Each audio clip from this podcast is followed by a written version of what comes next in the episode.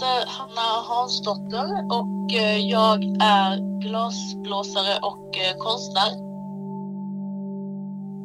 Jag tänkte att vi skulle börja med eh, utställningens titel. Ornamental Abstractions of Industrial Memories. Ja, jag höll på att jobba lite med de här, eh, med de här olika orden som jag kände att jag ville få ihop. Och eh, för mig så är det ganska precis vad det handlar om. Jag är ju fostrad i en eh, brukstradition får man ju säga. Eh, när jag har studerat till glasblåsare så har jag, den utbildningen var väldigt, hade stor prägel utav industrin, Kosta som låg eh, mitt emot skolan och vi var mycket på, på eh, de här olika glasbruken, på praktik och så när jag gick i skolan och jag tror att det har påverkat mig mycket i hur jag eh, idag arbetar och framförallt med, eh, med det här arbetet. Så eh, de här industriella minnena finns kvar i min process och också i det postindustriella samhället som det nu är och i en annan kontext. Ja, men hela processen handlar om liksom tanken på repetition och eh, avtryck. Eh, och då blåser jag i de här järnformarna som är ehm, som är som ett galler ungefär, som är ihopsvetsade metalldelar som eh, har mönster från eh, inspirerat från olika ja, men arkitektur eller ja, det kan vara lite vad som helst egentligen. Liksom, utan det viktiga är att de får någon slags eh, taktil kraft. Eh, men det finns mycket arkitektoniska inslag till exempel. Och eh, ornamentala, mycket dekor och det, att det är dekorativt. Jag tycker om när det blir liksom för mycket och mycket mönster på mönster och, och så. Så eh, ja, jag tycker titeln ändå ganska bra sammanfattar eh, arbetet, både liksom det estetiska och eh, ursprungsidén ehm, eh, och syftet. Liksom. Det här Industrial Memories skulle du kunna säga något lite mer specifikt? Vad är det för industriella minnen som du kretsar kring eller tänker på? Ja, precis. Alltså det är ju liksom den här repetitionstanken. Jag tycker att den, den speglar också så här vår samtid, hur jag liksom repeterar våra grejer nu på ett unikt sätt och hur vi lever och konsumerar. Eh, och sen mer specifikt så är det ju också med glas, eh, glasindustriminnena från, från min, eh, min tid på bruken. Och eh, och jag har inspirerats mycket av, jag gillar ju också maskiner och det tekniska och liksom hela den produktutvecklingsbiten tycker jag är mycket spännande. Eh, hur man kan manipulera industriella tekniker och och tankar om teknikerna kanske. Mm. Mm. Mm. En annan fråga. De här skulpturerna som du visar i mm. konsthallen i, i Ronneby. De har hål längst upp och är då liksom slutna som, som en sorts kärl är det här skulpturer eller är det en sorts vaser? De har ju liksom gått från att vara en vas till att bli en skulptur. Så att eh, jag tänkte så här, själva hålet och hålrummet och ihåligheten får ju oss att, och materialet får ju oss att eh, associera till vasen. Och eh, den fungerar nog generellt liksom som en så här en kollektiv upplevelse av de sakerna och jag tycker att den är ganska rolig att tänka på. Liksom. Att det nästan kan fungera som en, ehm, som en öppning till att liksom utforska objektet mer och att det kan erbjuda mer än att vara sin funktion. Att den är liksom sekundär. De har en insida så att säga?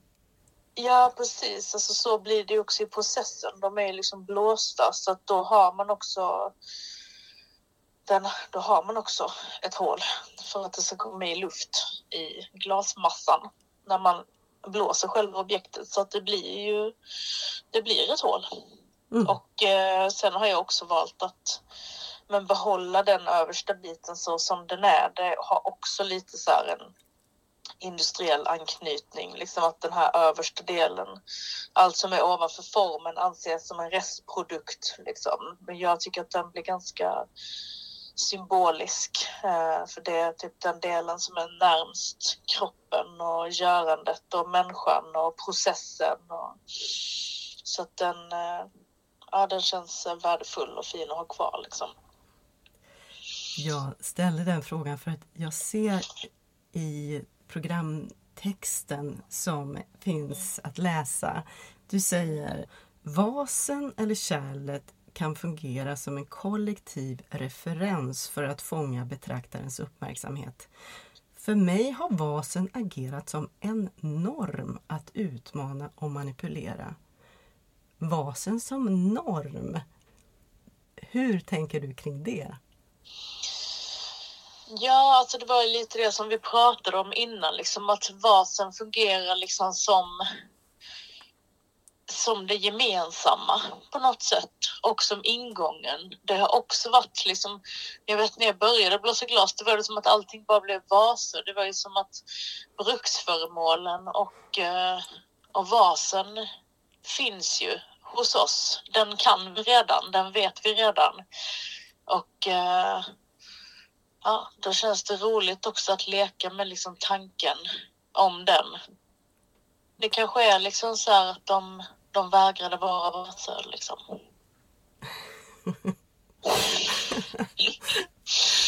du, när man kommer in i utställningsrummet så finns det då stora träställningar, stora ställningar som är då kantiga och Eh, har vissa vissa geometriska former och uttrycksmässigt befinner de sig också väldigt långt ifrån de här svällande glaskonstföremålen. Vad, vad är det här för formationer? De är liksom förstorade varianter utav mina former. Så att eh, den här utställningen visades tidigare på Kalmar konstmuseum, eller delar. Det var lite mer grejer där, men den utställningen hette Rabbit Hole och eh, utgick ifrån ehm, tanken om min process, typ. Att det var lite så här ett processundersökande arbete som hade skett inför den utställningen där jag då utifrån det här Rabbit Hole, Alice i Underland, referensen, Eh, lekte med, eh, med olika delar av min process och förstorade upp vissa saker och sådär. Och då blev liksom de här formerna störst och sina egna skulpturer så glaset som du sa liksom väller ut genom det här, den här gallerliknande mm. den här gallerliknande formen och får de här liksom, vad ska man säga, bubblorna eller rundlarna eller väldigt mm. organiska runda former som mm. ser ut att ha just trängt ut ur någon sorts eh, ja, nät eller korsett eller mm, så. Precis. Du... Ja, men det finns ju den där liksom kroppen och den här fläskigheten som jag tycker är som jag gillar, liksom lite som vi pratade innan om eh, om så här, att vägra, vägra bli en vas. Liksom. Att, så här, man får liksom inte plats i sin form kroppen som tar plats liksom. Och som syns och som, som är för stor för ja, mm. rummet mm. kanske eller liksom. Ja, mm. det är alltså de formarna som du tidigare nämnde här eh, fast då förstås eh, omformade till skulpturer. Men skulle du kunna berätta lite om hur det här fungerar? Hur går det till? Um, när jag arbetar så blåser vi glas i, i museets uh, hytta, glashytta som ligger i The Glass Factory i Boda glasbruk. Och uh, där arbetar jag tillsammans med Anders Wennerhag och Micke Jakobsson som är de glasblåsarna som jag eh, jobbar med. Och eh, då eh, Ja, det är lite svårt att berätta, men man har ju som en... Man, by, man jobbar liksom mycket i lager kan man säga när man eh, jobbar med glas. Man börjar litet och sen så bygger man på och så bygger man på. Man tar liksom lager på lager och i de olika lagren så kan man jobba med olika färger och sådär till exempel. Eh, jag är ju själv utbildad glasblåsare så att på det sättet så är det ju väldigt positivt. Jag är ju alltid med i processen men de här grejerna är ganska stora och det behövs eh, muskler och de här väldigt erfarna glasblåsarna för att kunna göra dem. Ja, så det är vi tre som alltid gör dem och jag håller reda på färgerna och de håller reda på glaset och sen så mixar vi det där och, mm. och så blåser vi i de här formerna och sen så sväller det ut liksom. Och sen efter det så formar vi om den lite för att den ska få sin karaktär. Och de här järnformarna som vi blåser i kan jag ju använda då så här gång, gång på gång. Typ att jag kan repetera i dem men även de är som ett nät så att eh, det sväller ju ut, ut olika varje gång och det blir, alltså de blir ju unika även fast de repeteras. Mm. Så det är väl lite det som är skillnaden, liksom att annars typ när man blåser i form så brukar man ha stängda former. Då blir ju varje objekt verkligen liksom likt det andra. Detta är liksom som något slags mellanting mellan det frihandsblåsta och det formblåsta. Eh, och sen så slipas då glaset utav glasslipare Simon Holm som också finns i Boda. Och eh, då jämnar man helt enkelt till den här kanten som är på toppen. För den är vass när man har knackat av objektet från glasblåsarpipan. Och sen, eh, sen försilvrar ju jag ganska mycket utav mina objekt också. Ehm, och tycker att det är roligt att liksom kombinera det där med, med färgerna och så vidare. Så att ehm, återigen det här med de olika lagren och eh, så försilvringen blir liksom alltid silver. Det är som att göra en spegel fast man gör det inifrån och sen kan man ju manipulera hur den upplevs och hur den ser ut då. Beroende på vilka glasfärger och sådär som man har satt på själva skulpturen. Det är liksom det sista man gör. Först måste man göra en seriös diskning på insidan av objektet så att det är helt rent. Så då har jag byggt så här specialdiskborstar så att man kommer in i varenda liten bubbla inifrån. Så det är ganska, alltså det tar ju längre tid att diska ett sånt där objekt än vad det gör att blåsa det. Det kanske man inte tänker på. Nej. Mm. Men så är det. Den här eh, formen hur kommer det sig att den ser ut som den gör? Har den någon, några referenser? Själva utformningen av, av det mönstret? Ja, jag har ju gjort massor med olika former och de het, har liksom olika namn. Så att det finns eh, olika berättelser i formarna, kan man säga helt enkelt. Och sen så är det också alltid en eh, kompromiss med liksom processen och glasblåsningen. Att, um, att jag vill ju att de ska kännas så taktila som möjligt, bli så fläskiga som möjligt. Det är alltid det som är liksom det vi strävar efter, eller jag strävar efter. Men um, det är många former som jag inte heller, som inte får den taktila kraft liksom som de ska ha som blir ratade helt enkelt. Mm, mm. De som är med på utställningen, vad heter de just? Du sa att de har namn, formerna? Ja, det finns en som heter Baby Barock som är också så här supersvulstig. Mycket liksom det här överdådiga. Det finns också en som heter Tiffany Print som eh, är inspirerad från liksom gamla Tiffany-tekniken. Eh, en så här glas, blyinfattat glasteknik som man gjorde mycket lampor med för. Eh, ja, det är en rad olika. Mm.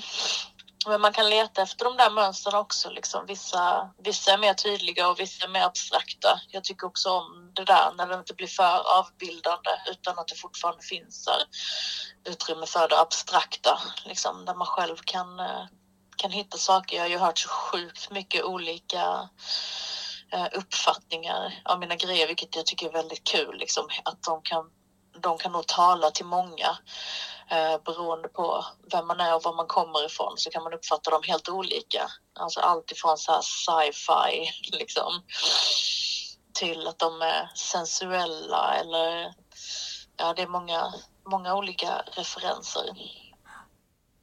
Eh, när du gör de här föremålen, då, eller ni, hur stor roll spelar slumpen i hur slutresultatet blir?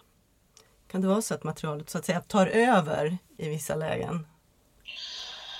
Alltså det där är lite så här, ehm, jag tänk, tänker ofta på slumpen och liksom vad den spelar in. Jag tänker att jag jobbar mycket med slumpen men det handlar ju snarare om så här vilka förutsättningar man ger slumpen. Och sen så har jag tänkt nu på senaste tiden att slumpen är nog snarare liksom en teknik.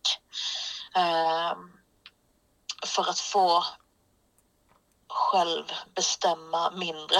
jag vet inte. Men eh, alltså i slutändan så är det ju ändå jag liksom som som godkänner allting men eh, ja men den finns nog, den finns ju där som en som en teknik och ett tillvägagångssätt. Eh, och för mig så är det också viktigt att liksom själva produktionen känns spännande och att det händer någonting. Att det inte bara blir för repetitivt. Så att ehm, ja, det är nog lite, lite både och liksom. Jag vet inte hur mycket slump det kan vara när man liksom ändå kontrollerar slumpen typ. Om vi går tillbaka till själva utställningen då. Så när jag ser hur, de är, hur dina verk då är placerade så lägger jag märke till den här uppställningen då där det är, det är ett podium och så är det två lekablock och över dem så ligger en sån här kvadratisk glasskiva och på dem står det tre utav av dina verk som ju har det här organiska färgrika uttrycket. Mm. Så att det där blir en, en väldig kontrast får man säga mm. mellan eh, presentationen och verken. Alltså allting allting är ju ihopkopplat. Allt har att göra med varandra liksom. Och man tar ju med sig saker från olika ställen liksom och då blir ju så här, ja men lekablocken har har ju också kommit för att jag håller på mycket hemma och sen har de också den här liksom industriella anknytningen.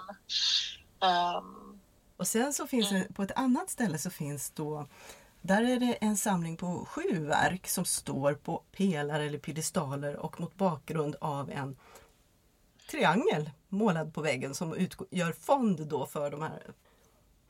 Alltså spännvidden mellan de här två olika presentationsformerna är ju väldigt eh, tydlig. Hur har du tagit fram det här? Alltså jag tycker jag gillar podier och jag tycker att det är roligt liksom när objekten, podierna och rummet interagerar och liksom blir någon slags helhet. Eh, och alltså som den här trekantsinstallationen bygger också på liksom symmetrin som jag ofta liksom så utgår ifrån och tycker, tycker om. Eh, att allting är så här symmetriskt från början. Typ. Och den här andra installationen är ju mer Ja, den är ju både hög och låg. Det finns lite olika liksom, tankar om det där. Dels så tycker jag att det är roligt att göra liksom, olika installationer som känns spännande och presentera på både klassiska och oklassiska sätt. Sen så gillar jag också att jobba både högt och lågt. Alltså så att både barn och rullstolsbundna och långa människor ska kunna liksom få samma vy. Du tänker så att människor har olika höjd till exempel, förutsättningar, barn, vuxna. Att de ska ja, kunna möta de här i ögonhöjd. Ja, för mig har de väldigt tydligt liksom så en framsida och en baksida och en bästa vinkel. Liksom. Så att uh, den ska man ju kunna få tillgång till, vare sig om man är barn eller om man är, om man är vuxen.